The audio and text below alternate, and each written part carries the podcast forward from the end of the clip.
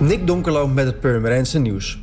Het RIVM maakt op dinsdagmiddag 21 april bekend dat er in Zaanstreek Waterland 641 mensen besmet zijn met het coronavirus. In Purmerend zijn er 171 besmettingen bekend, dat zijn er 5 meer dan maandag. Er zijn in 24 uur tijd drie sterfgevallen bijgekomen, wat het totaal op 18 brengt. In de Beemster kwamen geen nieuwe besmettingen bij en in totaal zijn er 8 mensen besmet.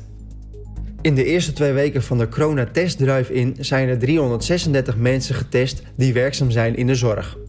1 op de 6 mensen bleek het virus daadwerkelijk te hebben.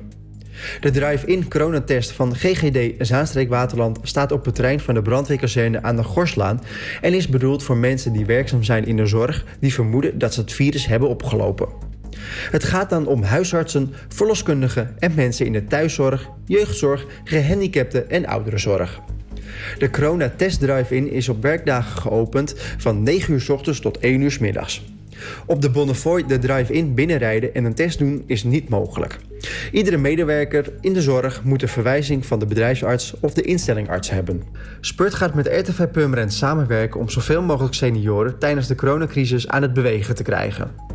RTV Purmerend gaat de filmpjes die Spurt op eigen sociale media plaatst namelijk uitzenden op de televisie.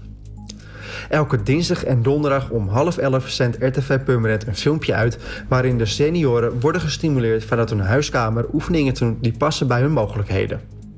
In de filmpjes is aandacht voor het behoud van kracht, lenigheid, uithoudingsvermogen, beweeglijkheid en balans.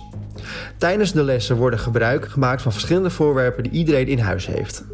RTV Purmerend is te vinden op Ziggo kanaal 36 of kanaal 1390.